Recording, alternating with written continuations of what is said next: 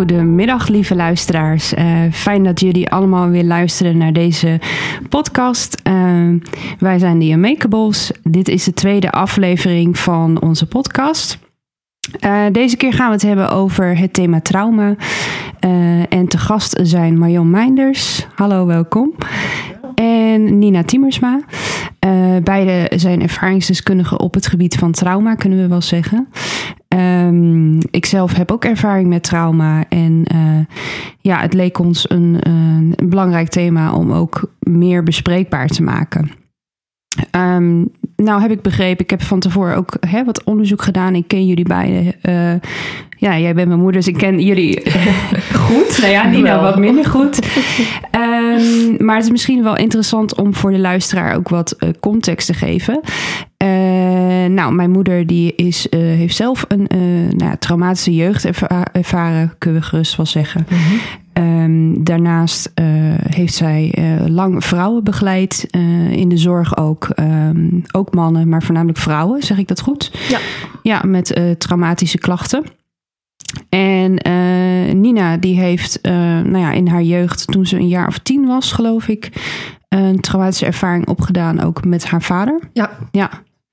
En jaren later kwam ze er pas achter eigenlijk het, dat het om trauma ging. Ja. Um, kun jij ons een beetje meenemen in jouw verhaal? Ja, zeker. Um, ik ben opgegroeid um, met een vader die medicijnverslaafd was. En dat zorgde er eigenlijk voor dat het thuis altijd onveilig en onstabiel was. Want mijn vader was of onder invloed en dan was hij eigenlijk ja, onherkenbaar. Dan was hij zo stoned dat er geen gesprek mee te voeren was. Um, of hij had zijn medicatie niet en dan was hij dus heel druk bezig met op een of andere manier aan die medicatie komen. En dan werd hij agressief, uh, zowel verbaal als fysiek. Ja. Mijn ouders zijn op een gegeven moment gescheiden, omdat het eigenlijk gewoon niet langer meer zo kon. En toen was ik acht, dat was in 2005. En mijn vader uh, besloot ons daarna te gaan stalken en bedreigen. Jeetje. Dus wij kregen sms'jes met mijn kleding, terwijl ik die dag helemaal niet buiten was geweest. Uh, we kregen, we werden 20, 25 keer per dag gebeld met verschillende nummers. En uh, het ging ook echt zo ver dat ik op een gegeven moment sms'jes kreeg waarin stond: Ik had eigenlijk veel liever jouw beste vriendinnetje als dochter gehad. Jeetje. En dat was een ramp. En Ja. dat heeft me heel veel verdriet gedaan. En wij hebben op een gegeven moment aangifte moeten doen, omdat de dreiging zo reëel werd dat ja, we konden gewoon niet zo door. Ik kon niet meer alleen over straat. Nee. En toen ben ik inderdaad op mijn tiende um, moest ik al naar de psycholoog. Want ik functioneerde niet. Nee. Nachtmerries, flashbacks, eh, paniekaanvallen. Kon eigenlijk helemaal niks meer. En toen kreeg ik de diagnose PTSS.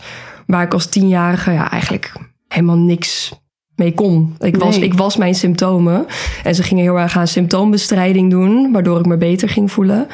Maar ik ben pas veel later, heb ik inderdaad begrepen wat het allemaal met me deed. En ja, dat ik gewoon niet op een normale manier me heb kunnen ontwikkelen. Nee. En heb kunnen opgroeien.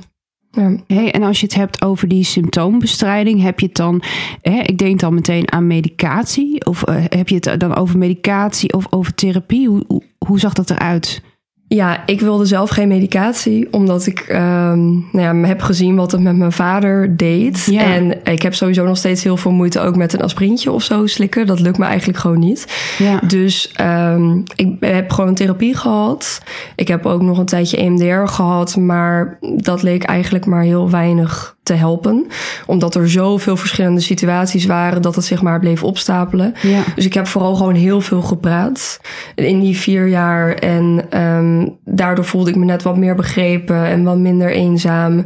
En dat heeft me heel erg geholpen, waardoor ik weer nou, in ieder geval enigszins kon functioneren. Ja. Ja. Wat heftig, joh. En, en, en hoe kwam jouw vader aan die medicijnen? Want ik vraag me af, hè, hoe, Ja. hoe, hoe is dat zo ontstaan? Eh, Nou, mijn vader had, had heeft uh, de ziekte van Crohn. En Oh, ook een aandoening aan zijn alvleesklier. Ja. En daar kreeg hij petidine voor. En dat is normaal wat er voor bij bevallingen bijvoorbeeld wordt gegeven. Dus het is een soort morfine-achtig iets. Oké. Um, en in eerste instantie kreeg je dat op recept van het ziekenhuis en van huisartsen en dokters. En op een gegeven moment was het eigenlijk zo, ja, hij kan geen pijn meer hebben. Dus kreeg je die medicatie niet meer via legale wegen. En ging dat via allerlei couriers en rare mannetjes die dan ineens aan de deur stonden of waar we naartoe moesten. En Nou, ik weet niet op welke illegale manieren dat allemaal bij ons in huis gekomen is, maar dat was geen zuivere koffie uh, Nee. meer na een tijdje. Ja. Jeetje, nou dan kan ik me inderdaad voorstellen dat het onveilig is geweest. Ehm, je noemde ook EMDR. Ja. Ik zat, eh, hè, ik bedacht me van, goh, misschien weet niet elke luisteraar wat dat precies is. Ja. Eh, nou, jullie hebben er beide ervaring mee. Ehm, kun jij daar iets over vertellen hoe dat voor jou was en kun jij eh, daarin aanvullen? Ja, tuurlijk. Ehm, voor mij was het eigenlijk het einde van mijn behandeling. En ze hadden Ja. zoiets, we willen dit nog wel graag proberen om te kijken of het iets oplevert. Maar ze twijfelden daar zelf al een beetje aan. Dus ja, het was ook al een eh, nou ja, riskante actie. Voor mij was het vooral dat ik het ergste beeld eh, dat ik op dat moment had moest uitzoeken en moest uitkiezen. En dat nou ja, me eigenlijk voor de geest halen. En er werd dan inderdaad met vingers heen en weer gegaan. En dan zou de lading eh, minder moeten worden. En als ik er dan aan terug zou denken, zou het minder heftig moeten worden. Alleen, ik weet niet of dat toen al bekend was, maar ik weet dat later bekend is geworden dat als je nog midden in de situatie zit, wat voor mij het geval was, want de rechtszaken en alles moesten nog dat volgen. nog. Ja, dan ja. is het dus niet zo handig om al EMDR te gaan doen. Maar dat is makkelijker als het ook echt al volledig afgesloten is, je er niet meer in zit. Dus daarom heeft het voor mij uiteindelijk heel weinig gedaan.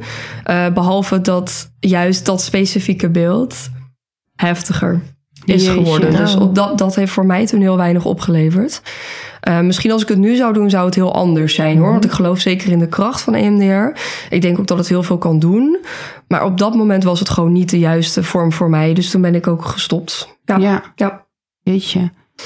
Hey, en jij hebt dus ook ervaring met EMDR en, Ja. je, en je knikt ook. Ehm, kun je daar iets over vertellen wat, wat jouw ervaring is? En of je dat inderdaad herkent? Hè? Wat ze zegt dat er, dat er nu dingen veranderen, veranderd zijn in de methodiek. Ehm, kijk, bij mij eh, is de EMDR pas, nou, een paar jaar geleden heb ik dat gedaan. Ja. En ik heb al heel veel therapie gehad, al jaren, noem het maar gerust, zo'n 25 jaar. Ja, Dus dit is echt een beetje aan het eind gekomen eh, van mijn hele traject. ja, Wat eigenlijk nooit ten einde komt, denk ik. Maar ehm, bij mij heeft het heel veel opgeleverd. Ehm, het is natuurlijk wel zo met EMDR. eh, je pakt inderdaad, zoals jij zegt, bepaalde beelden erbij. Kijk, en als je eh, complex trauma hebt, zoals bij mij, dan is er eigenlijk gedurende je hele jeugd ja. alle, een aaneenschakeling van traumatische gebeurtenissen. Of, of iets wat er gewoon de hele tijd aanwezig is. Hè? Zoals emotionele verwaarlozing of eh, emotionele mishandeling. Hè, dat is continu aanwezig. Eh, maar in mijn eh, leven is het dus wel zo geweest dat er ook een paar aantal heftige gebeurtenissen zijn geweest. Waar ik dus eh, behoorlijk door getraumatiseerd ben geraakt. Dat heeft te maken met de ziekte van mijn vader. En onder andere. En daar heb ik dus EMDR voor gehad. Ja. En eh, ik moet zeggen dat door. Ik heb hele intensieve EMDR gehad, echt eh, langdurig ook. Dus het was echt wel heel pittig. Eh, maar mij heeft het enorm geholpen. Als ik nu naar die situaties kijk, die specifieke situaties, hè, dus niet naar het hele traject wat ik als kind heb meegemaakt, ja. maar als ik gewoon kijk naar die specifieke dingen die we hebben aangepakt in de EMDR, die zijn echt verminderd. Als ik nu in mijn hoofd eh, er naar terug ga, dan kan Ja. ik dat nu gewoon doen. En dan zie ik dat beeld voor me. Maar het is net of de kleur er een beetje wat meer van af is. Of het wat verder van me afstaat. Eh in ieder geval, het raakt niet meer eh, mijn hele eh, emotie. Aan Ja. alles aan de binnenkant. Je hele wezen. Precies, Ja, ja. ja. oké. Dus dat heeft het, mij heeft het heel veel opgeleverd. Ja, Ja. En ehm, je noemt ook de ziekte van je vader. Eh, kun je daar iets over vertellen? Eh, wat voor impact die op jou heeft gehad? Hè? Ja. Ehm, kijk, mijn vader die heeft er eh, vier keer een hersentumor gehad. En de eerste kreeg hij toen ik acht was. En eh, in mijn tijd, ja, ik ben eh, inmiddels 53. ja, Eh, dat moet je dus ook een beetje in het tijdsbeeld zien, hoe dat gegaan is. Ja, werd daar verder niet over gesproken. Je voelde van alles, dat er van alles aan de hand was, maar ons werd helemaal niet uitgelegd wat er eigenlijk aan de hand was. Mm. Dus je werd ziekenhuis in, ziekenhuis uit meegesleept, omdat mijn moeder ook niet altijd oppas had. Dus als kind krijg je allerlei dingen te zien die niet voor kinderogen bestemd zijn. Nee. En in die tijd werden hersentumoren natuurlijk niet uh, zo geopereerd als nu. Dat was echt gewoon de zaag in de schedel. En uh, ja, dan werd dat zo verwijderd. Dus dat Ja. waren hele intensieve operaties uh, waar mijn vader heel vreemd uitkwam. Ja. En uh, ja, daar heb ik best wel veel van meegekregen. Uh, en het is iets uh, wat eigenlijk continu aanwezig is geweest na mijn achtste. Hè? Want Ja. de angst om het weer te krijgen is er altijd aanwezig bij ieder gezinslid. En uh, dat is dus de, de continu op de achtergrond van, oh, als die maar niet doodgaat. Ja. Toch wel, ondanks hè, zijn, zijn karakter was ook enorm veranderd. Dan had hij al niet um, een heel prettig karakter, maar Nee. uh, um, dat is daardoor uh, niet echt verbeterd. Hè, want dat, dat geeft toch ook wel echt verandering in je persoonlijkheid, zulke ziektes en operaties. Dus ja, dat is continu aanwezig geweest. Ja. Ja. Ja, dat, dat vormt je als kind. Dat kan niet anders als je constant in, uh, in angst, angst leeft. Het is een continuïteit ja. van angst. En naarmate ik ouder werd, uh, ging je dan wel steeds meer beseffen van wat er eigenlijk aan de hand was. Ja.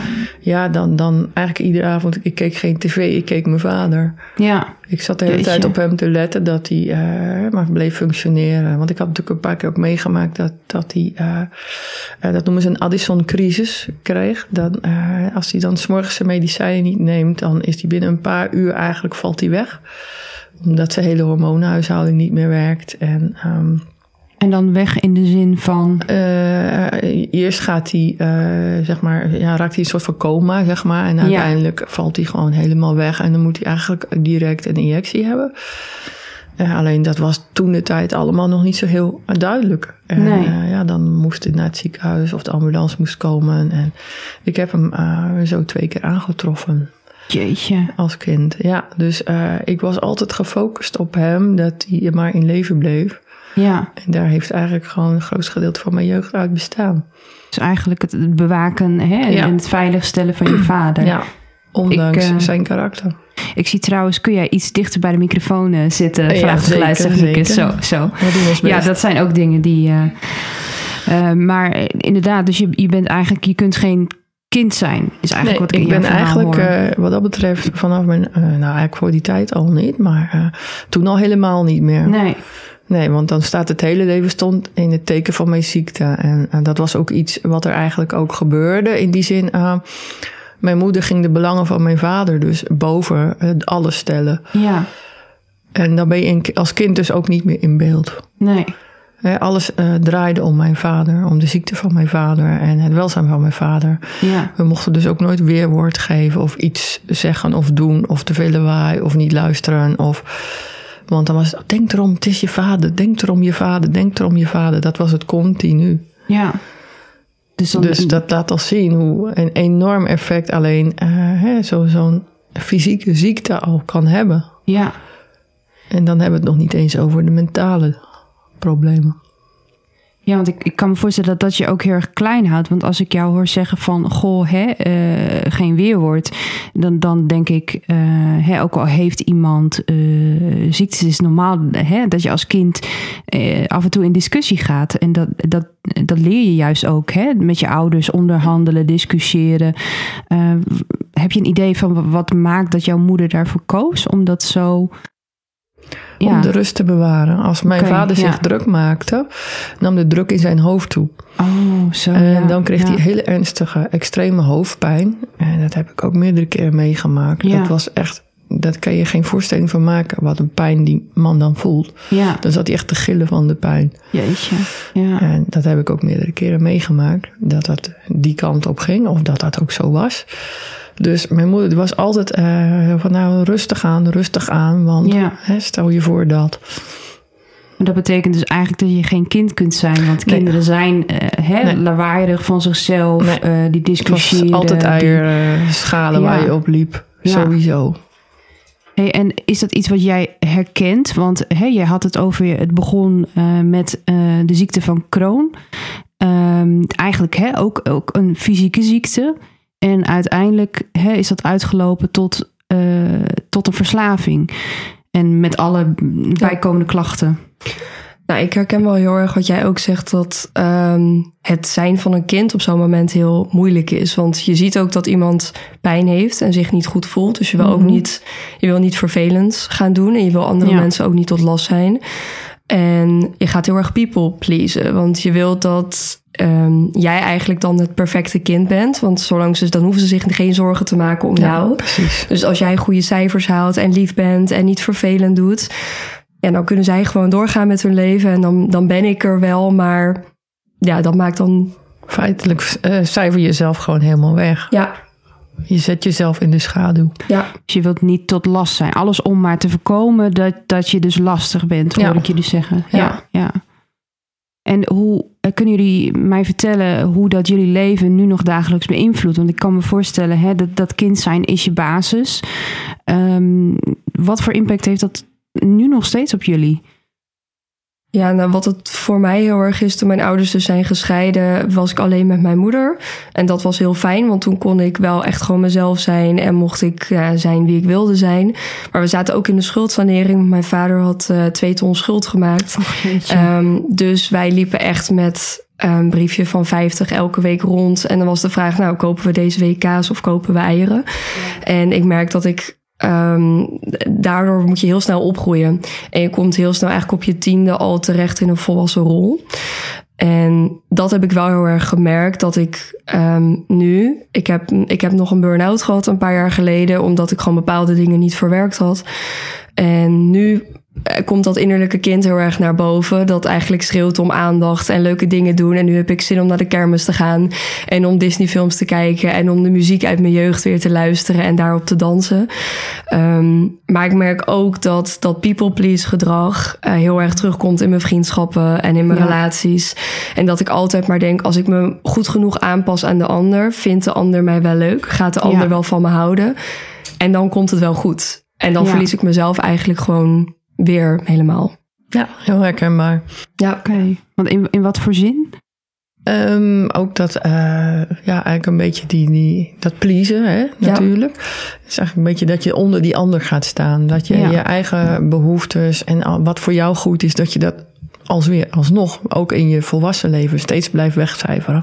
Ja, Dat is iets wat ik tot de dag van vandaag nog steeds doe. En eh, ja, dat is iets eh, wat ik er heel moeilijk onder krijg, moet ik zeggen. Dus het is, het is toen bij mij is gewoon vanaf mijn geboorte zo geweest. En ik heb eigenlijk 30 jaar lang in die situatie gezeten. Dus voor mij is het gewoon heel lastig om nu te zeggen van... oh, dat gaan we even anders doen. Ik, Ja. ik, ik moet nu nog zelfs gaan uitzoeken wie ik eigenlijk ben. Want dat weet ik niet eens. nee. Wat vind ik nou eigenlijk leuk? Dat weet ik niet eens. Dat is eigenlijk de zoektocht waar ik al heel lang mee bezig ben. En eh, doordat ik nu ook thuis zit met een vierde burn-out. Ja, we lachen allemaal. Het is natuurlijk grappig, maar het is heel herkenbaar. daar, ja, ik, heb daar dan nu een beetje Ja. wat meer de, de ruimte voor, zeg maar. Ehm, en eh, eh, ja, dat blijft een, mm, voor mij een enorme zoektocht van... wat vind ik nou eigenlijk? En, en mijn eerste reactie zal altijd zo blijven van... oh, nou ja, ik doe er niet toe. Oh, dit is dom. Oh, dit is stom. Eh, weet je, dat... dat pas daarna, hè, door de, de cognitieve therapieën die ik heb gehad... eh, heb ik wel geleerd om er nu wat anders tegenover te zetten, als het Ja. ware. Maar de eerste reactie van, oh, ik, ik ben niet goed, of eh, weet je wel, dat, dat blijft. En in relaties, hè, wat jij ook al zegt, dat, dat blijft gewoon heel erg moeilijk. Ik, ik heb ook heel veel mensen uiteindelijk nu weer laten vallen. Puur daarom, omdat eh, het niet gelijkwaardig is. Omdat ik niet mijzelf ben. En niet eh, wederkerigheid ervaar en kan ervaren. En eh, dat ligt eh, voornamelijk aan mezelf. Ik denk ook dat ik bepaalde mensen dan ook aantrek daarin. heel herkenbaar. Hè? Dus, ja. en, en dat is ook gewoon in, in liefdesrelaties zo. Dat je toch ook bepaalde mannen in mijn geval aantrekt. Die, die ja, toch wel enigszins een toxic randje hebben. Ja. En dat is heel ongezond. En ik moet daar continu bewust van zijn. Ja. Dus eh, ja, ja, het heel is, herkenbaar. het ja. is een blijvende, eh, ja, diepe schade in je ziel. Zo noem ik het eigenlijk altijd Ja. maar. Ja. Mooi verwoord. En jij, jij zegt ook heel herkenbaar. Ehm, eh, kun je daar iets over delen? Ja, dat voelt voor mij altijd een beetje als een harnas. Ik weet dat de oorlog wel voorbij is, Mhm. maar ik durf hem eigenlijk niet uit te trekken. Dat, ja, dat trauma is zo'n onderdeel geworden van Ja. mijn persoonlijkheid. Dat nu mijn trauma langzaamaan wat naar de achtergrond verdwijnt. Ik echt geen idee heb wie ik ben. Nee. Ik heb eigenlijk ook, ik heb heel lang met suïcidale gedachten gezeten. Dus ik had mezelf een beetje voorgenomen dat ik niet ouder zou worden dan 25. Mhm. En toen was ik twee weken terug jarig en werd ik 26. En dacht ik, ik heb nooit plannen gemaakt voor de toekomst. Ik heb een studie gedaan, maar dat kwam omdat ik, ehm, ik haalde daar 9 en 10 op op de middelbare school. Uiteraard. En mijn vader was nogal van de goede cijfers. En toen dacht ik, nou ja, dit kan ik, dus dat ga ik maar doen. Maar achteraf realiserend dat ik denk, misschien had ik wel de Kleinkunstacademie willen doen. Ik hou enorm van theater. En eh, alle boeken die ik lees en alle films die ik kijk, zijn die nou omdat ik vind dat ik volwassen moet zijn. En Ja. dat ik dat daarom moet zien. En ik heb eigenlijk voor mijn gevoel pas sinds ergens vorig jaar ben ik echt aan het ontdekken wat ik leuk vind. En niet alle dingen die ik doe waarvan andere mensen vinden dat ik ze zou moeten doen. En dat voelt heel bizar om jezelf pas te ontdekken waar andere mensen dat in Ja. de puberteit doen. Ja, en, klopt. en dan gaan ze allemaal samenwonen en allemaal Ja. leuk. En ik denk, En jij weet nog steeds niet wie je bent en wat jij nou eigenlijk nee, leuk vindt. Ik, ja, ik weet mijn naam en mijn leeftijd. En ehm, ik, ik weet dat ik van lezen hou. En daar houdt het soms ook wel eens een klein beetje mee op. En dan is het ook lastig om verbindenis te vinden met iemand. Omdat je denkt, vindt die persoon mij nu leuk? Of de persona die ik nu ja, me die over ik je mij heen voordoe. gegooid, als het ware. Weet je Ja. wel? Dat, dat, Het masker dat je op hebt gezet die dag. Precies, ja. Precies, want Ja. daarbinnen zit gewoon eh, ja, een, een kind wat, wat eigenlijk gewoon heel veel eh, tekort is gekomen. Ja. En eh, En heel veel liefde nodig heeft. heel maar veel liefde nodig heeft. ik merk dat ik heel makkelijk liefde kan geven. Ja. Maar het accepteren, dat is, Dat is zo moeilijk. Het is net of je, het, of je het ingewikkeld. niet waard bent of zo. Nee. Weet je wel? Of je het niet mag hebben. alsof of je het zo. jezelf niet gunt ook. Ja. Dat heb ik heel sterk. Ja. Ja. Wat jij zei over eh, de opleiding die je hebt gekozen. Dat is in mijn geval ook zo geweest. Ja. Ik heb gekozen voor iets wat mijn vader wilde. Ja. Eh, terwijl ik op dat moment eh, wilde ik al de zorg in. Maar mijn vader wou, wilde graag dat ik iets eh, met middenstand ging doen. En dat heb ik vervolgens gedaan. Vervolgens ook nooit wat mee gedaan, eerlijk gezegd. Uiteindelijk later wel hoor. Heb ik ook een eigen bedrijf gehad. Ja. Maar het grappige is eigenlijk de, de, de school waar ik ben gaan kijken toen de tijd ik de keuze moest maken. Dat ik daar uiteindelijk eh, op mijn dertigste toch alsnog terecht ben gekomen op diezelfde school. Dat. Om te gaan doen wat ik eigenlijk echt wilde gaan Ja. doen. Dus dat, dat, dat zegt al zoveel. Je bent zo eh, jezelf kwijt. Je bent zo aan het pleasen dat zelfs je opleiding, Ja. eh, je levenskeuzes die je maakt in het teken staan van die Ja. ouders of verzorgers die je hebt. En het is ook heel eng om eh, iets te kiezen waar je, waar je misschien wel niet goed in zal zijn. Ik vind Ja, het want je idee. mag niet falen. Hè? ik, vind- nee, ik vind het idee dat ik Ja. kan falen, vind ik al Het is dodelijk eng. verschrikkelijk. Niks mag falen. Nee, en ik haalde supergoeie cijfers op die vakken. Dus ik denk, ik ben slim. Ik ga dat doen. Dan kan ik iedereen laten zien dat ik slim ben. En tof. En toen was ik het aan het doen. Ik vind het wel leuk hoor. Ik vind mijn vak leuk. En ik sta nu voor de klas. En ik ben eh, dol op die kids. En ik vind dat echt geweldig. Maar Oh, ik ben hallo, niet kat. altijd... eh, hallo. Nou, er komt even een kat kijken. Hallo, dat is altijd, altijd van harte welkom, ja. Dat is Cucaracha trouwens. We hebben hier twee rondlopen. Ergens ligt een eh, kitten eh, te pitten. Ja, dat gebeurt ook als je die hebt. Alleen maar gezellig, gewoon Ja. voor de sfeer. Ja, precies. Ja, Maar ja, jij was, om terug te komen op wat je vertelt. Hey, je doet het met plezier, maar, maar ergens... Maar ik, ben, ik, ben, ik was een heel creatief en heel sportief kind. Ik was altijd buiten, altijd aan het rondrennen. Ja. En door het trauma ben ik dat hele spontaan en dat sociale ben ik helemaal kwijtgeraakt. Ja.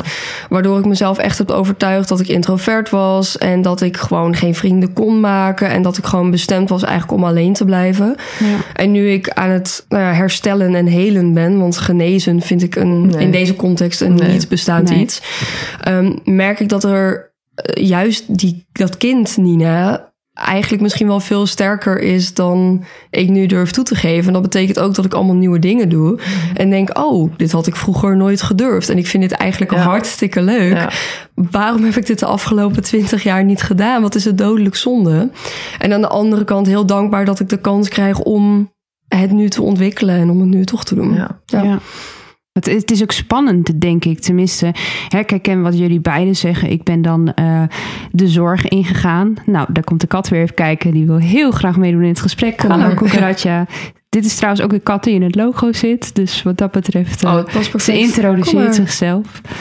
um, maar uh, ja, ik ben dus ook de zorg ingegaan. Nou ja, dat is ook iets hè, inherent aan het zorgen voor een ander. Ik, ik ben ook zo'n people pleaser. Uh, um, ja, wat, daar was ik goed in. Dus waarom niet in de zorg? En uiteindelijk na zoveel jaar psychiatrie dacht ik... ja, maar ik ben altijd voor een ander aan het zorgen. Maar wat wil ik nou? Hè? Mm -hmm. Precies wat jullie zeggen. En uh, ik had geen idee eigenlijk. Maar ik dacht, uh, dit wil ik niet meer. En ik denk dat dat ook een onderdeel van het proces is dat je gaat ontdekken wat je niet wilt.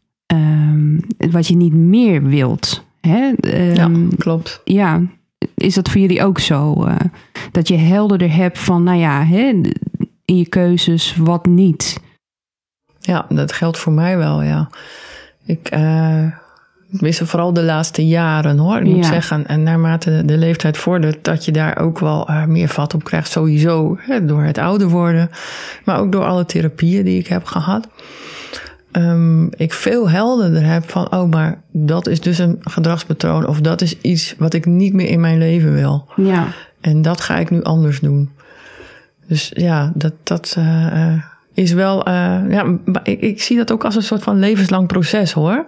Uh, ja. Dat, dat, het is niet iets dat klaar is. Nee, hè? het, Het, nee, is, nee, ja. het blijft en helemaal bij langdurig trauma.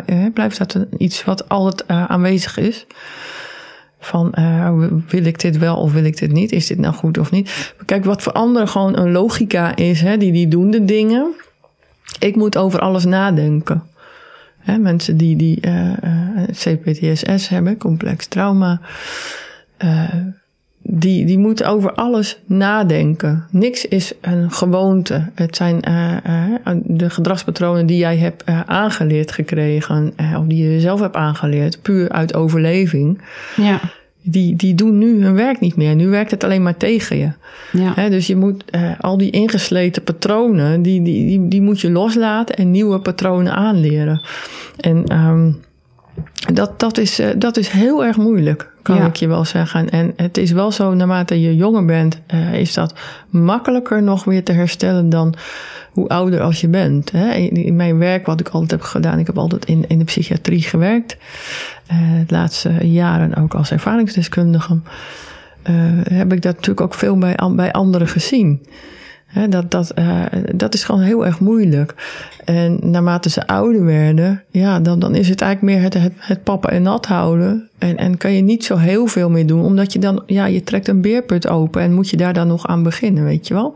Ja. Dus het is, het is denk ik bij trauma heel erg belangrijk dat je, uh, nou ja, zo vroeg mogelijk dat onderkent en ermee aan de slag gaat. Ja. Ja, en aan de andere kant lijkt me inderdaad ook lastig. Dat vroeg ondervangen is, is denk ik heel belangrijk. Maar als je kind bent en hoe leg je dan uit wat trauma is? Zoals in jouw geval, hè? jij was tien.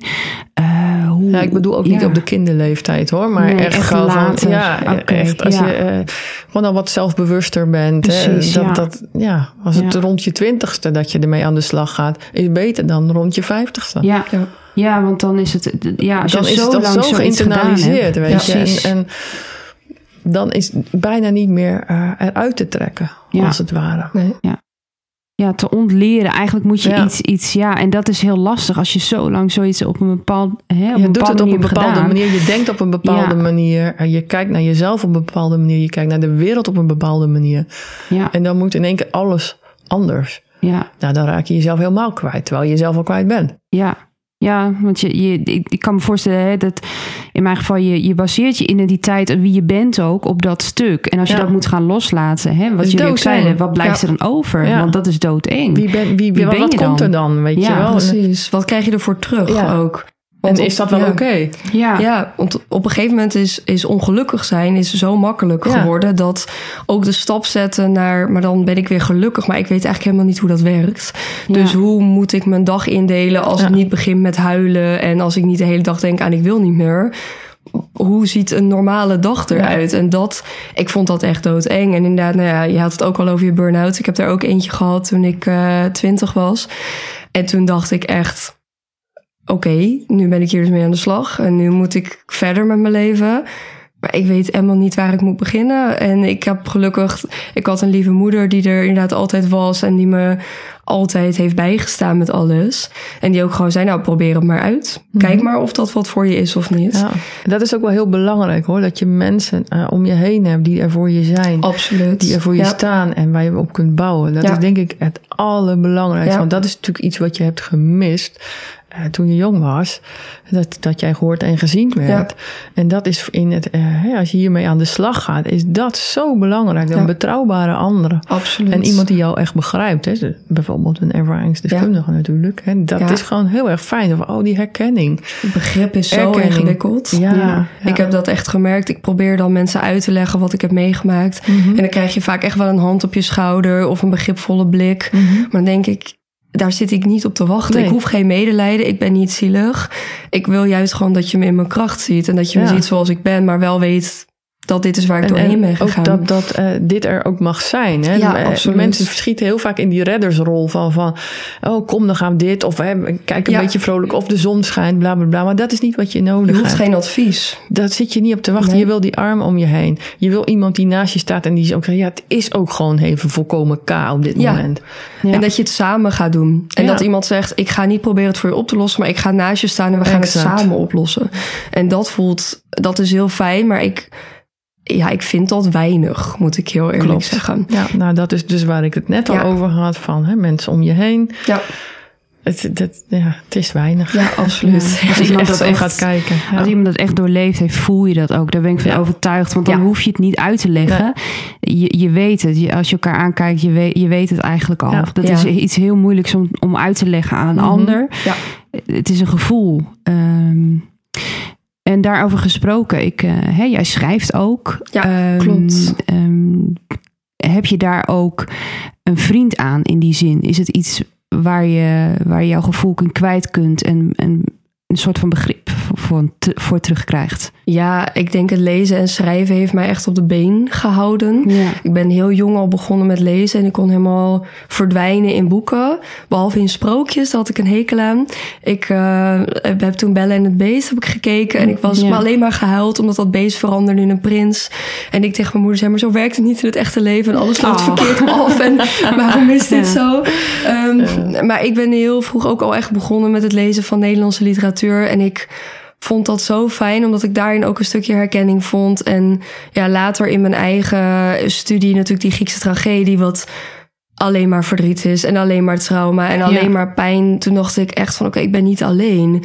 En daarover te kunnen schrijven en dat gevoel ook weer te kunnen delen met andere mensen, dat heeft me heel erg in mijn kracht gezet. En ik vond het gewoon heel fijn om een gevoel eigenlijk op papier te kunnen zetten, het boekje dicht te doen. Ik heb ook altijd bijna op papier geschreven en hem dan ook gewoon even aan de kant te leggen. Dan was het ook even niet meer van mij. En nou, op een gegeven moment ben ik het gaan delen met de wereld. En toen was het dus helemaal niet meer alleen van mij. Maar toen werd het een beetje van iedereen. Wat heel mooi is, maar ook heel eng en heel kwetsbaar. Ja, ja, en soms absoluut. denk ik, waarom doe ik dit ook alweer? Ja. Maar uiteindelijk ben ik heel blij dat ik die keuze heb gemaakt. En alles wat, daar, eh, wat daaruit voortgekomen is. Ja, Ja. ja, want je hebt ook een prachtige bundel eh, voor je liggen. ja en, eh, klopt. nou, ik wil je zo gaan vragen om een gedicht voor te dragen. Want je bent ook dichteres. Ja, doe ik heel graag. Je bent Ja. echt een manusje van alles. Ehm, kun je wat vertellen over het gedicht dat je gaat voordragen? Ja, zeker. Het gedicht heet Aannames. En ik heb dat geschreven in 2019. Ik heb een eigen theatervoorstelling geschreven. En een paar dagen voordat die eh, gefilmd zou worden, kreeg ik een berichtje van mijn vader via Facebook Messenger. Waarin hij mij had uitgelegd hoe zwaar alles wel niet voor hem was geweest. En dat ik ook moest begrijpen eh, wat ik hem allemaal had aangedaan. En dat het allemaal veel erger had kunnen zijn. En dat hij een andere, andere kinderen wel liefdevol had opgevoed in het buitenland. En dat ik maar eens moest begrijpen hoe erg het allemaal was. En toen was ik helemaal verslagen. Toen dacht Nou. ik, nu heb ik het weer gedaan. Nu, Ja. nu ben ik weer dader. Ik kan nooit gewoon even rustig slachtoffer zijn. Want er is, Ja. er is altijd wel iets. En daar heb ik toen een gedicht over geschreven. En dat gedicht begint met zijn woorden. En daarna mijn reactie daarop eigenlijk. Oké. Nou, heel tof. Ook een heel, heel mooi dat je dit met ons wilt delen. Ja. Ehm, hier is Nina Timmersma met het gedicht Aannames. Ik mag aannemen dat het je niet zal verbazen hoe moeilijk dit voor me is. En dat ik eerlijk gezegd ook zeer veel moeite heb om iets te schrijven. Deze woorden op mijn beeldscherm. Mijn hart sloeg een slag over. Je schreef dat je mijn gedichten leest, weet wat ik doe, dat je mijn foto's bekijkt. Onderdeel van mijn leven zonder daadwerkelijk deel uit te maken. Uit woede en paniek stopte ik met schrijven. Alles om ervoor te zorgen dat je niets meer zag van wat ik voelde. Of ik antwoorden wilde, vroeg je. Maar ik heb al jaren geen vragen meer voor je. Hoe moeilijk alles voor jou is geweest. Ik las het en ik kon mijn ogen niet geloven. Want door jou ben ik nooit meer wie ik als kind graag wilde zijn. Oké, Nina, dankjewel uh, voor dit prachtige gedicht en welkom terug. Uh, we hadden het net, uh, hebben het gehad ook over C-PTSS en gewone PTSS. En ik dacht, misschien is het nog handig om onze luisteraars ook uit te leggen wat het verschil is. Hè? Want wij weten het, maar misschien niet iedereen. Um, jullie hadden het er net al over. Kun jij ons meenemen in het verschil? Ja, zeker. Um, CPTSS uh, is uh, in principe geen diagnose die in de DSM staat. Dus geen officiële diagnose. Maar uh, ja, je hoort er wel steeds vaker dat het gebezigd wordt. Er is ja. wel een lobby voor om dat ook in de DSM te krijgen. Uh, CPTSS is eigenlijk uh, dat je bloot bent gesteld langdurig aan verschillende situaties, zeg maar. Hè? Dus dat je te maken hebt gehad met mishandelingen, emotioneel of lichamelijk of nou ja, watsoever, langdurig. En PTSS is dat je ja, één event, één situatie hebt meegemaakt die zo heftig is geweest dat je daar uh, ja, uh, na die tijd al door nog last van hebt. Dan kun je denken aan een treinongeluk, een auto-ongeluk. Of uh, echt iets heel naars, zeg maar, ja. hebt meegemaakt. Dat is PTSS. Maar hè, als het dus langdurig is geweest, dan is het complex. Ja. PTSS. Dus zoals bij jullie beiden hè, kunnen ja. we stellen het geval is. Hè, want bij jou, het bestaat ook niet uit één situatie. Nee. Um, maar het, hè, het heeft zich echt uitgestrekt over een langere periode. Ja. Ja. En uh, de, de diagnose kan dus niet gesteld worden, CPTSS. En wat je dan dus vaak ziet gebeuren, dat er andere diagnoses geplakt gaan worden. Ja. Uh, en... Omdat dat, uh, ja, of, of het wordt PTSS, omdat het dan het één situatie eruit pakken. Of een persoonlijkheidsstoornis wordt vaak gepakt. Ja. Uh, nee, dat, dat, daar zie je natuurlijk ook wel dingen in terug. Kijk, in mijn geval is het ook een persoonlijkheidsstoornis, is de diagnose. Ik heb ook geen diagnose CPTSS. Ik heb persoonlijkheidsstoornis uh, met trauma en angstproblematiek. Uh, en ja, op die manier kan het dus technisch weggezet worden. Ja, precies. Maar, ja, dat is dus het technische verhaal ja. erachter.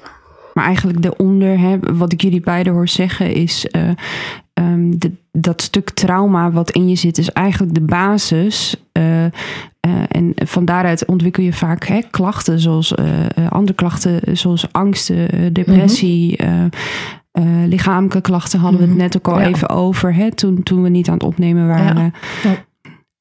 Ja, dat zie je ook wel veel uh, bij mensen die uh, te maken hebben gehad met complex trauma. Uh, je ziet echt een hoog aantal aan mensen met fibromyalgie, ja. prikkelbare darmsyndroom, vermoeidheid, klachten.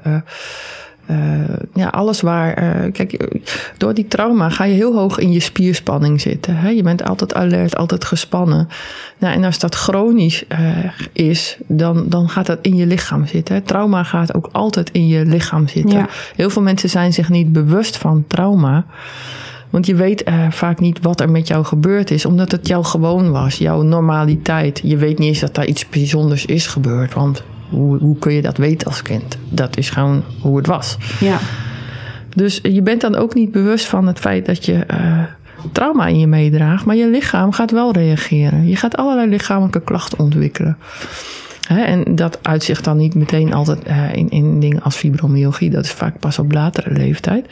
Maar wel allerlei pijnklachten. Hè. Je ziet mensen dus heel vaak bij een huisarts terechtkomen met allerlei vage klachten die, die maar niet weggaan. Uh, maar ook uh, kan zich dat uiten in angststoornissen, angst- en paniekaanvallen. Uh, die zie je dus heel veel voorbij komen. Uh, en daar gaan mensen dan mee naar een arts. Daarmee worden ze vaak doorverwezen naar een GGZ. En dan krijg je symptoombestrijding. Dan gaan ze dus zitten op die klachten. Ja. Op de paniek, op de angst. Of, hè, maar daar zit wat onder. Ja. De eigenlijke vraag zou moeten zijn: niet wat is er met je aan de hand, maar wat is er met je gebeurd? Ja, dat vind ik wel een hele mooie. Want uh, hè, als je. Um, toen ik, ik heb Nina opgehaald met de auto en toen hadden we het er ook al even over. Als je niet um, die, die kern aanpakt en met, met mm -hmm. uh, bestrijden bezig ja. blijft, dan, uh, ja, dan, dan blijf je er eigenlijk bij. En als je echt preventief bezig wilt, dan moet je denk ik naar die kern toe gaan. Absoluut. En, en kijken van, goh, wat zit daar? En hoe kunnen we uh, ja, voor jou het leven beter maken? Of in ieder geval dat het te verdragen is of zo. Hè, ik vond, um, Nina vertelde ook um, dat hè, je hebt ook regelmatig uh, nou ja, de vrienden gehad die bijvoorbeeld hè, contact hadden met de crisisdienst. Ja. En, en, dan wordt er vaak gezegd van ja, uh, we hebben over uh, zoveel tijd ruimte voor je. Of over, Mhm. hè, als je je bij Ja. de GGZ aanklopt, over vier maanden hebben we wel een keer tijd voor je. Ja. Um, terwijl eigenlijk uh, en nu Mhm. die vraag is, nu de nood is. En, en over vier maanden kan iemand er al lang niet meer zijn. Hè, daarvoor kiezen. Ja. En um, eigenlijk als een nood het hoogst is, dan, dan, dan is die kern die breekt open. Ja. Ja. Of zo. En ik vind het zo moeilijk om te zien dat daar um, ja, nog te weinig gehoor aan wordt gegeven. Het, is, het voelt, we hadden het er net over, alsof het meer brandjes blussen is. Ja. Uh, dan dat we echt preventief werken. Terwijl ik denk, als je preventief investeert, uh, echt gaat pre uh, preventief ingrijpen, het kost misschien in de He, eerst meer geld, maar op lange termijn bespaart Mhm. het je veel. He, als je vanuit een, een regering of instelling kijkt.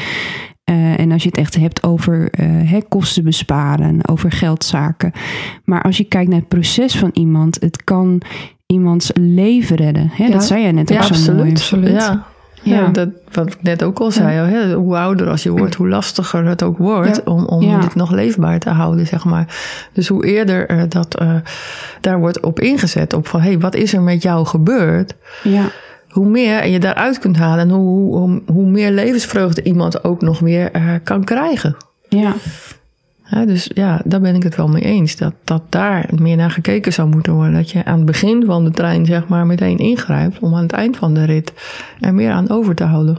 Ja, Zeker ook omdat het lichamelijk zo'n, Ja. eh, zo zwaar is. Ik bedoel, die psychosomatische klachten Mhm. vond ik misschien op een gegeven moment nog wel het lastigst. Ja.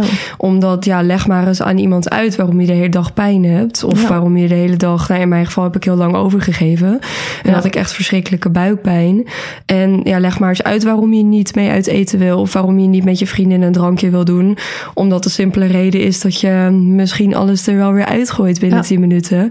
Dus eh, eh, juist die psychosomatische klachten isoleren ook Ja, heel klopt. erg. Ja. En daar wordt eigenlijk helemaal niet, niet naar gekeken. En ik denk als je al op basisscholen of middelbare scholen zou beginnen met psycho-educatie. En dat leerlingen op hun tiende alles het woord trauma überhaupt hebben gehoord. En denken, hé, hey, wacht eens.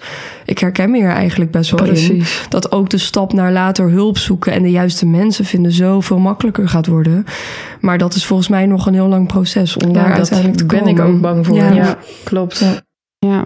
Het gaat om die tools aanreiken. Hè? Dat Ja. je, uh, en ik heb gelukkig, hè, omdat ik een moeder uh, heb die uh, al vroeg het signaleerde. Ik ben toen ik twaalf was al in de Ja. psychiatrie terechtgekomen. Ja.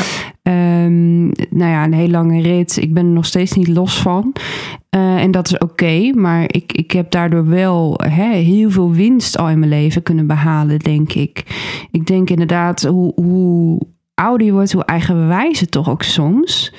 Uh, hoe minder speels, uh, hoe minder je soms open staat voor dingen, omdat je soms die hebt van, nou, ik weet het allemaal wel of zo. Tenminste, Mm. dat, ja, Dat weet ik niet, maar je bent gewoon minder flexibel. Laten we Ja. het daar maar op houden. En je brein is natuurlijk ook dan minder flexibel.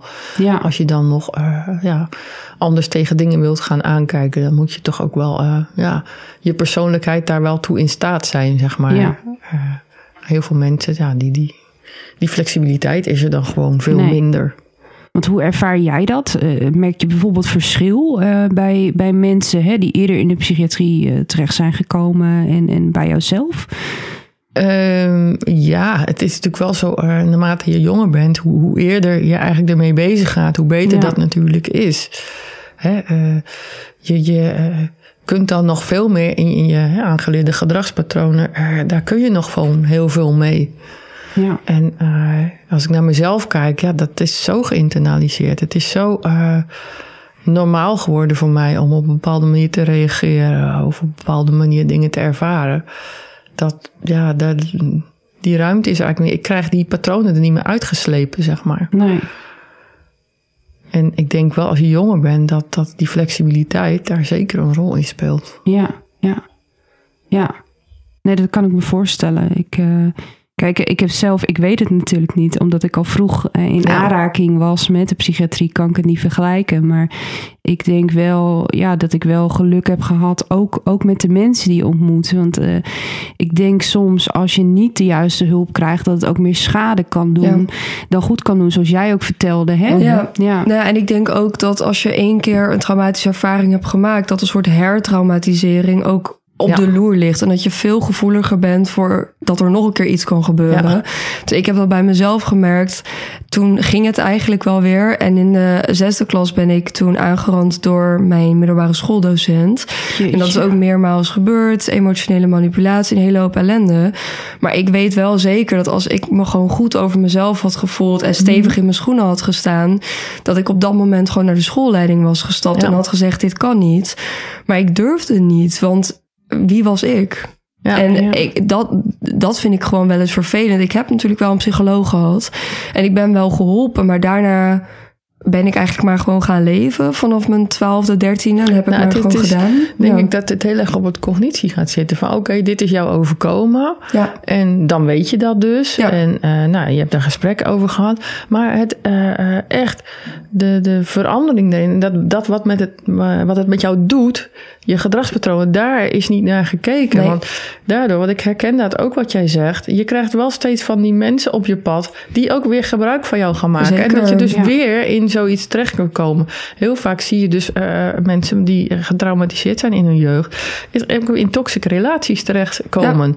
Of mensen om zich heen verzamelen die niet, helemaal niet goed voor ze zijn. Nee, precies. Omdat ze toch eh, ja, heel vaak ja en amen roepen en, Ja. en het allemaal wel goed vinden. Ja, Onder het mom van, nou ja, dit is in ieder geval iemand die mij hoort en ziet. En wat ik daar dan allemaal voor moet doen en laten. Dat ik in elkaar word geslagen of eh, dat ik er weer emotioneel word mishandeld. Nou ja, dat ken ik. Dat is wel vrij normaal voor mij. Dus dat, hoort erbij, dat dus hoort het er toch wel- gewoon bij. Ja. Want ik weet niet beter. Nou, je dus- telkens, je ontmoet eigenlijk Ja. dezelfde persoon, maar in een ander omhulsel. Juist. En pas tot je dat stukje geheeld hebt, ga je ook andere mensen ontmoeten die bepaalde delen van jou aanspreken die je zelf wel fijn vindt. Exact. En tot die tijd ontmoet je gewoon Ja. telkens de mensen die die slechte dingen in naar boven halen. En dat vind je fijn, want dat is hoe liefde voelt. En als je dat niet afleert, dan is dat, ja, voelt dat een beetje hopeloos. En, Precies. Ja, ja. Ja, heel herkenbaar. Het is ook lastig, hè? Want jullie zeiden ook net van het is ook lastig om, om hè, als je eenmaal eh, dus weer mensen ontmoet, om dan liefde te ontvangen Ja. hè, Ja. en het te herkennen. Eh, dus, Ja, want het is eigenlijk iets, eh, je kent dat niet. Hè, dan, dan komt er iemand op je pad die dan wel lief doet en dan denk je, huh, wat moet ik hiermee? Ja. Is- Is dit normaal? ja, Ja. precies. dat is ja. veel te soft voor mij hoor. Dat, eh, nee, dat moet ik allemaal. Ja. En die wijs je dan af, terwijl Ja. dat precies is wat je nodig hebt. Die liefde en die aandacht. maar ja, dat is dan niet fout genoeg. En eh, Nee. ja, dat foute randje moet Ja. er dan toch echt wel aan zitten. Ja, Ja, en dan blijf je een beetje in patronen terechtkomen die ja, voor niemand goed zijn natuurlijk. nee, precies. Ja, want Hoe, hoe stap je eruit? Hoe doorbreek je dat? Ja, vertel mij dat. ik vind het een goede ja, vraag. Ja, Er, is natuurlijk, Ja. er is natuurlijk geen kant-en-klare oplossingen. Maar, Nee, eh, vooral bewustwording, ja, denk ik. ja. Heel goed weten waar je mee bezig bent. Eh, heel goed bij jezelf gaan navoelen, vooral. Navoelen, niet Ja. navragen, navoelen. Hoe voelt dit voor mij? Want heel vaak geeft je gevoel het heus wel aan. Ja, Dat er 10.000 rode vlaggen zijn die jij compleet negeert. Je weet dat ze er zijn. ja, Je voelt het, het zit in je lichaam. ja, En luister daar gewoon, kijk daarnaar. Voel naar van, hey, hoe voelt dit nou eigenlijk? ja, Daar zit het. We moeten connectie maken met je lichaam, met je gevoel. ja, Want daar zit het. Ja, en, en dat vind ik dus zelf ook een lastige. Want ondanks dat ik vroeg therapie eh, heb gehad, ehm, ja, blijft het, eh, blijven die grenzen lastiger om aan te voelen. Want Mhm. vaak denk ik van, oh, hè, oh, ik heb buikpijn. Oh, nou weet je, ik zal iets verkeerds gegeten hebben. Je Ja. gaat het dan weer beredeneren. Oh, ik zal wel moe zijn. Ik ben deze week te druk geweest. Je gaat dan toch proberen voor jezelf het goed te praten. Het is zo gewoon geworden om het te negeren. ja. Terwijl ik achteraf altijd denk, nou dan duurt het een week, denk ik, oh ja. Maar dat mag ook, hè? Ja, Want dat, is, dat bedoel ik ook met dingen die Ja. zo, zo ingesleten zijn bij jezelf. Dit is een nieuw patroon leren, hè? Voor Ja. jezelf zorgen. En, en dat is er niet vanzelf. En dat het dan een week duurt, dat is dan maar zo. ja, Maar als dat gewoon een paar keer zo gebeurt, dan ga je het wel steeds eerder herkennen. ja, En dan ga je er wel steeds bewuster naar kijken. Oh, ik heb buikpijn. En niet wel weg, eh, wegwuiven. Maar oh, wacht even. Wat is hier aan de hand? Waarom voel ik dit? Wat is er gebeurd? Ja. Dat je vooral dat gaat doen, weet Ja. je. En dat gaat steeds sneller op, de, op den duur. ja. Maar het is wel spannend, want om dan ook echt actie te nemen en te handelen. Want Mhm. voelen en het je realiseren is natuurlijk één ding. Maar om dan die volgende stap te zetten, oh Ja. man, krijg ik vaak nog meer buikpijn van. Ja, dat klopt. Ja, omdat dat het Leg tegen extra natuurlijk toe. voor jouw natuur is. ja, terwijl het eigenlijk alleen maar goed voor jezelf zorgen is. ja, Hè, eh, doe het maar gewoon. Zet die stap. Ik bedoel, ik heb eh, vier keer een burn-out gehad. Maar dan moet je dat wel eh, aangeven op je werk. Of, of dan moet, moet je dus je kwetsbaarheden laten zien. En dat is rete spannend. ja, Dat is gewoon absoluut waar. Of dat je ergens in een baan zit waar je niet gelukkig bent. Het is rete spannend om alles maar te laten vallen. En, en toch voor jezelf te kiezen van mijn, mijn eigen geluk. Dat, dat doet ertoe. ja. Hey, en, en jij hebt het toch eh, vier keer ben je het wel aangegaan. Ehm, hoe, wat heeft het je gebracht? Hoe bedoel je? Nou, wat heeft het je gebracht om aan te geven van... oké, het gaat niet eh, tot hier. Ik moet nu tijd nemen om, om, om thuis te zitten, om, om te herstellen. Om, Ja, ruimte. Hè? Het geeft je Ja. ruimte om. eh, eigenlijk is het je lichaam, bij mij in mijn geval altijd mijn lichaam die het aangeeft. ja, Niet eh, echt mijn geest of zo, want ik wil alleen maar doorgaan. Ik moet alleen maar presteren. Het moet alleen maar goed zijn. Ik mag niet falen. Dus ik mag niet omvallen. En eh, werken is ook een eh, overlevingsstrategie voor mij. En dan hoef ik niet na te denken. Dus vooral heel veel werken.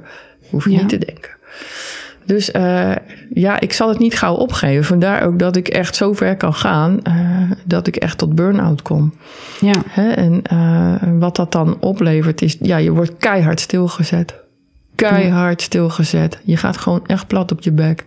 Ik heb één burn-out meegemaakt. Dat was ik, ben ik zo ver gegaan dat ik eigenlijk alleen nog maar kon ademhalen. Ik kon niet eens mezelf uit bed komen of tanden poetsen of whatsoever. Ja. Dat, dat moest mijn toenmalige partner doen. Dus eh, ja, zo ver ga je terug in, in eh, je, ja, je wezen. Alles om je heen laat je zo ver kapot gaan... dat alleen nog maar de basis, het ademhalen, een optie is. ja. Jeetje. Dus dat gaat dan heel ver. Maar ja, dan, dan hey, je hebt jezelf zo uitgeput, eh, zo leeggetrokken... dat, dat ja, je bent eigenlijk helemaal niets meer. En dan moet je weer helemaal opnieuw beginnen. Dus jezelf als het ware weer opnieuw opbouwen. ja. ja, En in mijn geval is dat de meeste keren ook, gaat dat hand in hand met therapie. ja. Maar eh, ja, het, het brengt je toch uiteindelijk weer een stap verder en dichter bij jezelf en bij je grenzen. Eh, van oké, dit is het dus ook niet. Nee. En eh, ja, ik zit nu in een situatie dat ik me afvraag wat überhaupt nog haalbaar is voor mij. Ja. En hoe, hoe is dat om daarin te zitten? In eerste instantie toen ik dat ging beseffen van, van hé, hey, kan dit überhaupt Marjan? Ben je er überhaupt wel voor gemaakt? dat vond ik heel verdrietig. Ja, Ik denk van ja, ik ben niet dom natuurlijk. Uh, ik heb heel veel te bieden en heel veel te geven. En uh, dan het besef dat ik er niet meer voor anderen zou kunnen zijn, dat dat werk te veel van, voor mij is en te veel van mij vraagt, dat vond ik echt, daar heb ik heel veel last van gehad. Daar heb ik ook wel echt uh, depressie, depressieve symptomen van gehad. Ja. En dat ik echt dagen alleen nog maar op bed lag en van, nou, nu is het leven eigenlijk wel voorbij dat dat er niet meer voor mij in zit, zou zitten. Of het zo is, dat weet ik niet. Maar zo voelt dat op dit moment natuurlijk. Ja. Dus uh, ja, dat is wel vrij heftig, moet ik zeggen. Nou, dat, dat kan ja. me indenken. Ja. ja. Dus ja, ik weet niet hoe het zich verder gaat ontwikkelen. Maar uh, ja, nu denk ik wel bij mezelf, ja, als het zo is, dan is het maar zo. Ik laat het allemaal maar gewoon over me heen komen. En ik zie wel hoe het verder gaat in het leven. Ik probeer zoveel mogelijk in het nu, in het moment te zijn. En vooral heel dicht bij mezelf te blijven. En vooral heel goed naar mijn lichaam te luisteren. Ja. Ja, dat is toch wel iets wat ik regelmatig hoor, hoor terugkomen, dat, dat lichaam. Hè? En eh, terwijl ik het idee heb dat we in, in therapieën vaak nog heel erg gericht zijn op het hoofd en op het praten. Klopt. Is dat, is dat iets waar volgens jullie ook echt nog iets in kunnen of moeten veranderen? Ik denk het wel, maar ik ja. denk ook wel dat het probleem is dat dat ook wel de therapievormen zijn die het minst worden aangeboden en die ook het snelst nou, wegbezuinigd worden en ook ja. verdwijnen. Maar ik denk dingen als uh, dramatherapie bijvoorbeeld, ja. waarin je en met je emoties leert omgaan en je lichaam leert bewegen. Mm -hmm. Ik denk dat ik daar heel veel baat bij had gehad. Ja. En ik had het heel fijn gevonden als iemand had gezegd dat dat bestond. Ja. Ben daar nu zelf later achter gekomen dat ik dacht, oké, okay, interessant. Maar ook bijvoorbeeld iets als bibliotherapie, waarin je ook samen aan elkaar voorleest en dergelijke. Dan ben je ook wel bezig met dingen ja. er, eruit gooien. Ja. En ik vind het heel jammer dat daar nog veel te weinig op wordt ingezet binnen Dat onze klopt. geestelijke gezondheidszorg. Ja. Ja. Er zijn Ja. gewoon, het lichaamsgerichte therapie, die, die gaf, gaf ik zelf ook aan eh, nu in deze, eh, deze burn-out. Ik zei van ja, eh, je hoeft mij niks meer te vertellen. Ik weet Nee. alles wel. Ja. Eh, maar ik zou wel lichaamsgerichte therapie willen. Ja, dat wordt niet vergoed. En dan Nou, moet je het zelf gaan betalen. En dat, daar heb ik geen geld voor Nee. natuurlijk. En dat is natuurlijk heel triest dat de juiste hulp er wel is, maar dat je dan je portemonnee moet trekken. Terwijl juist ook mensen met trauma en in een burn-out, dat zijn niet de mensen die de miljoenen op de bank hebben staan over het algemeen. Ja. En het is natuurlijk doodzonde dat je niet de juiste hulp kan en mag ontvangen. Ja, klopt. Ben ik Ja. helemaal met je eens. Ik vind eigenlijk dat, eh, ja, daar moet eigenlijk meer eh, op ingezet worden. Dat, dat het lichaam ja. er meespeelt. Je kan dingen niet scheiden. Je kan lichaam en geest eh, niet scheiden van elkaar. Je kan ook niet een, een, een nier loszien van, van het lichaam. Nee. Waarom doen we dat dan wel met, met eh, het lichamelijke en het geestelijke? Ik begrijp dat niet zo goed. Nee. Trauma gaat in je lichaam zitten. Ga met dat lichaam bezig en zorg ervoor dat het ook in therapie meer wordt gebruikt. Ja. Gelukkig zien we wel veel meer mindfulness ook voorbij Ja. komen. En dat is natuurlijk eh, een hele goede, goede, goed begin om daar eh, wat mee te gaan doen. Hè, dat deed ik met mijn cliënten ook wel. Gewoon bijvoorbeeld een mindfulness wandeling gaan maken. En iedereen kan dat doen. Weet Ja. je, dat, dat, maar gewoon meer bewustwording. Van wat voel ik, wat zie ik. Gebruik die zintuigen, Ja. gebruik dat gevoel. Want dat is waar je zo ver van verwijderd bent geraakt. Ja. En waar je weer connectie mee moet gaan maken. Wat zit daar binnen? En ga spelen. Ga vooral ook weer spelen. Wat jij in het begin al zei, van, hè, dat heb ik allemaal niet gedaan. En, ehm, ik ga dingen doen die ik als kind had willen doen. Ja. Ik doe dat als ik ergens een speeltuin zie. Ik ga erin hoor. Echt. Ik, ik ga in een klimrek hangen. Ja, nee, ik ik vermaak mij prima. En Ja. natuurlijk, de omgeving denkt ook... wat doet die oude vrouw daar in zo'n klimrek? Word je eh, straks gearresteerd? Ja, en vooral met al de er lichamelijke dan bij, ja, op een gegeven moment zit ik klem en dan kom ik er niet meer uit en zo, weet je wel. Oh ja, dat kan Maar-. Ja. Het is ook leuk. Ja, dus maar ga spelen. En ga zien wat het plezier, eh, het plezier wat het je brengt. En, en wat het met je doet. Ja. Ga voelen, vooral dat. ja. Ik had in mijn burn-out een coach die daar wel heel erg op inzette. Die zei echt, je moet gewoon elke ochtend... ga je gewoon om acht uur opstaan, ga je een uur wandelen. En verder geen muziek, niks. Je gaat gewoon luisteren Ja. en je gaat je lichaam voelen. Ja. En eh, wat jij ook zegt, je put jezelf uit. Dus de eerste keer dat ik ging wandelen, dacht ik... nou, ik ga ook meteen gewoon snel. Weet je wel, Ja. moet zo snel mogelijk moet ik dit doen. En ik moet een bepaalde afstand afleggen, had ik helemaal bedacht. Nou, back off, helemaal misselijk thuis. En toen zei hij ook, waarom doe je dat nou? Je moet gewoon wandelen, ga gewoon wandelen. Nou, dat heeft Ja. drie maanden maanden geduurd. Want ik wilde dan ook andere mensen voorbij wandelen. En dan wilde ik wel beter zijn dan, Dan de rest. ander. daar heb je dat Ja. stuk Ja, weer. Hè? en dan Ja. doet het dus helemaal niks. Totdat Nee. je het op een gegeven moment loslaat en denkt... hé, hey, ik ben moe. Misschien moet ik even gaan zitten en wat drinken. En dan leer je ook weer naar je lichaam Precies, luisteren en terugkomen. Dat is wat ik En bedoel. Ja. Dat, is, dat is echt heel fijn. Ja. Ja. en dat heb ik heel erg gemist. Want je maakt je lichaam echt kapot. En je blijft maar doorwerken. En op een gegeven moment werk je 70 uur per week. En denk Ja. je, oh, dit gaat eigenlijk allemaal prima. Ik kan dit. Ik kan het Ja. allemaal prima aan. Tot Ja. het niet meer gaat. En dan denk je, dit had ik ook eerder kunnen voelen en kunnen merken. Maar ja, rode vlaggen, daar hebben we niet echt een neus voor. Nee. Nou ja, rode vlaggen voelen hetzelfde als vlinders. En vlinders wordt van eh, jongs af aan geleerd dat het iets moois is. Maar als je dat gekke vlinderachtige gevoel in je buik hebt en je hebt trauma, is het vaak eerder je intuïtie die je vertelt dat er iets niet zo goeds aan de hand is. Wat, Ja. een, wat een mooie symboliek trouwens. Ja. Ik denk ook dat we in de maatschappij... dat we allemaal experts in het negeren van ons gevoel zijn Mhm. geworden. Absoluut. En speciaal mensen met eh traumaklachten bijvoorbeeld. Hè, die zijn helemaal experts. Want Ja. ik heb soms ook wel het idee hè, dat ik echt een wandelend hoofd ben. Maar voor mij is dat nu wel een signaal van... hé, hey, oké, eh, hoe adem ik? En dan denk ik, oh, ik zit veel te hoog. Nu is het dus Ja. tijd voor, voor mindfulness of, Ja. of iets in die zin. En daar heb ik helemaal geen zin in, maar ik probeer het dan wel te doen. En het lukt niet elke keer. Maar ja, zo, zo breng je jezelf wel weer terug naar het lichaam. Want de- Ja. hè, er wordt zoveel van je verwacht. En, en eh, via de app moet je bereikbaar zijn. Mhm. Eh, eh, via de mail. eh, eh, er worden dingen van je op het werk verwacht. Ehm, nou, je moet eigenlijk... eh, Je verwacht dingen van jezelf. Hè? Dat is nog wel de ergste misschien. Hè?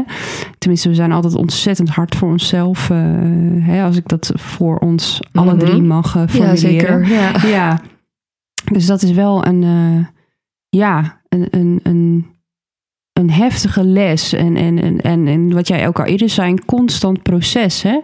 Eh, het is niet dat het eh, met één keer klaar is. Of eh, nou, nou, dan ben ik me bewust, het is hiermee klaar.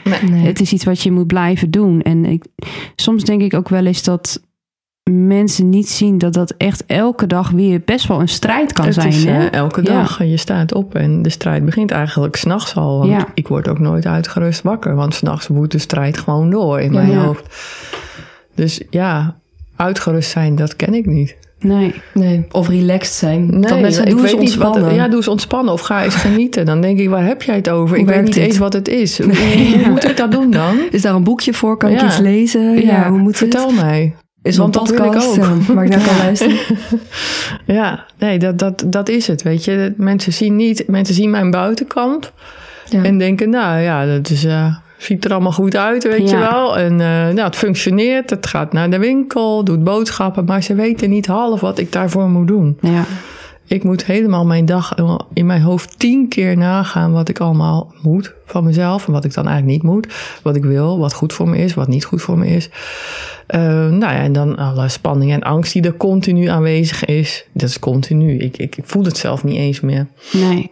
Ik denk als iemand die het niet heeft een, eh, één uur in mijn lichaam gaat zitten, er gillend weer uitgaat. Je denkt dat hij een hartaanval krijgt. Ja, Ja. Dat, dat is Ja. verschrikkelijk hoe hoog mijn spanning altijd is. Eh, hè, de, voorbeeld als ik bijvoorbeeld bij, bij de nagelstyliste zit, die moet tien keer ontspannen, ontspannen tegen mij zeggen, omdat ik gewoon mijn handen de hele tijd zo strak hou dat ze er niet eens mee kan werken. Ja.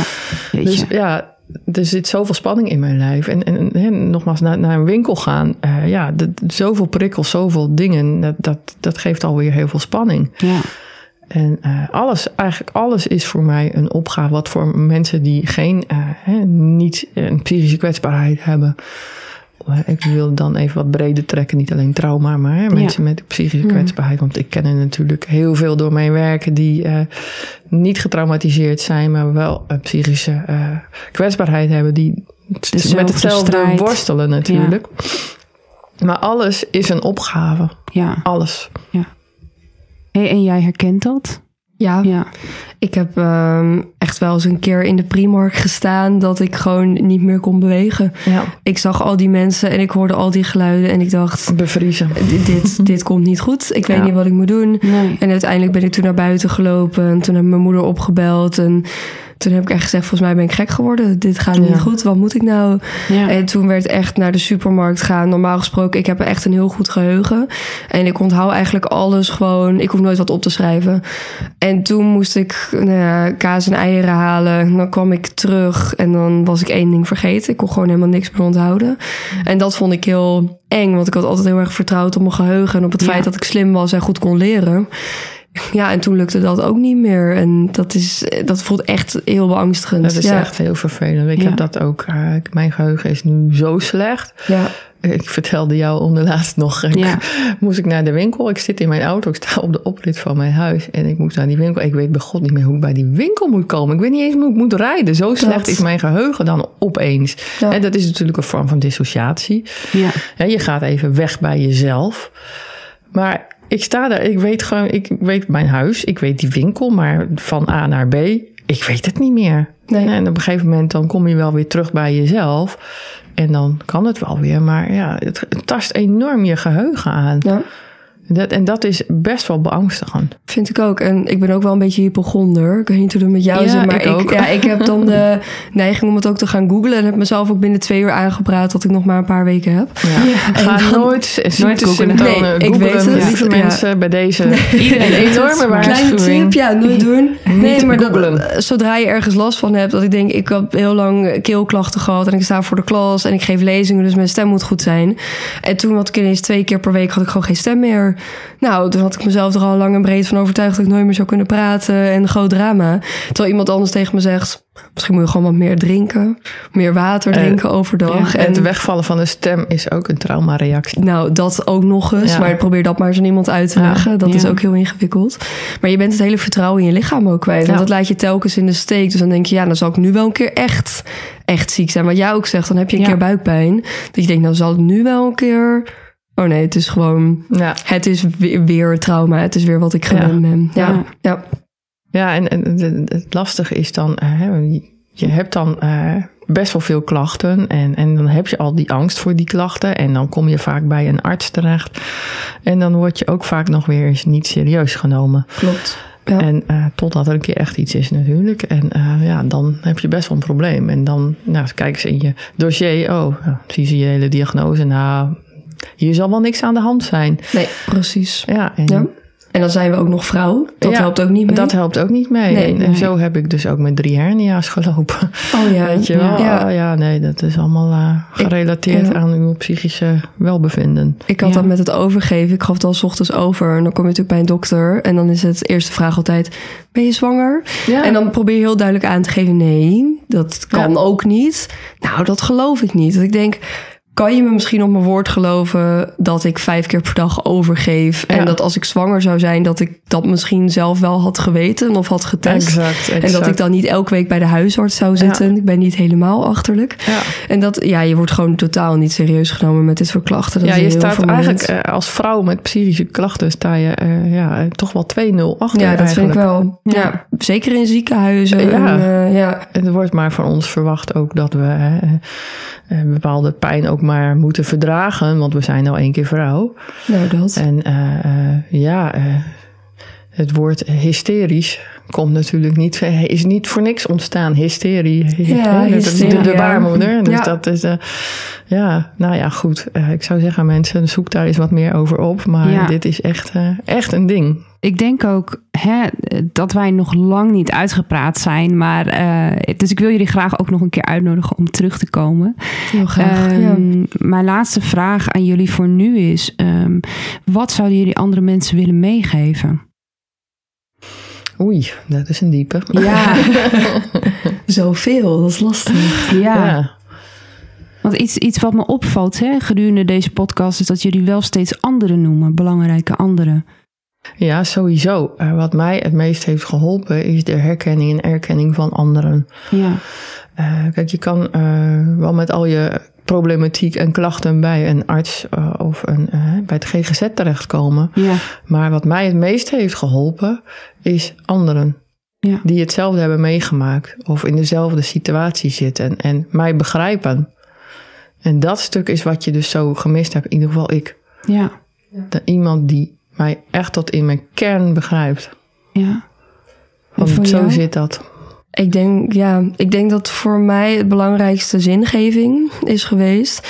Toen ik op een gegeven moment wat meer in het lot ben gaan geloven. En ook heb gedacht dat nou ja, alle dingen die ik heb meegemaakt ook nodig waren om te komen waar ik nu ben. En dat ik daar nu ook mooie dingen mee kan doen en mag doen. Um, dat dat me heel erg heeft geholpen om er wat meer vrede mee te hebben en het wat meer naast me neer te leggen. Dus mijn advies zou vooral zijn om iets te gaan zoeken buiten je trauma waar je echt van kan genieten, waar je je passie in kan leggen, waar je ziel en zaligheid in kan leggen. En dan komen die mensen ook wel op je af. Ik merk nu, nu ik echt mijn doel volg en mijn passie, dat ik mensen op mijn pad krijg die dezelfde energie hebben als ik, die dezelfde passie hebben als ik. En dat ik in een gesprek zit en gewoon van opluchting gewoon kan denken: oké, ze zijn er wel, weet je. En um, ik heb die steun dan wat minder ervaren en ik krijg het nu. Juist omdat ik inderdaad nu denk ik op het pad ben waarop ik zou moeten zitten. Dus ik denk dat dat ook wel heel belangrijk is. Dat als je die mensen niet vindt, probeer een doel te vinden, probeer je hart te volgen. En ik geloof er heilig in dat die mensen dan ook. Dan komt het vanzelf. Ja. ja. ja. Wauw. Hey, dank jullie wel. Um, we gaan ter afsluiting nog uh, naar een gedicht van uh, Nina luisteren. Um, ik wil luisteraars alvast bedanken. Geniet nog even van het gedicht van Nina. Um, en graag tot de volgende. Ik heb mijn haren kort geknipt, omdat je steeds tegen me zei dat mannen alleen vrouwen met lang haar knap vinden. Ik draag geen korte broekjes meer met topjes, omdat ik bang ben dat ik vraag om dezelfde aanrakingen die me kapot hebben gemaakt. Ik vecht dagelijks om te laten zien dat ik wel slim ben en dat ik wel wat kan bereiken. Maar de toren staat zo wankel dat elke aanraking, elke opmerking zorgt voor instortingsgevaar.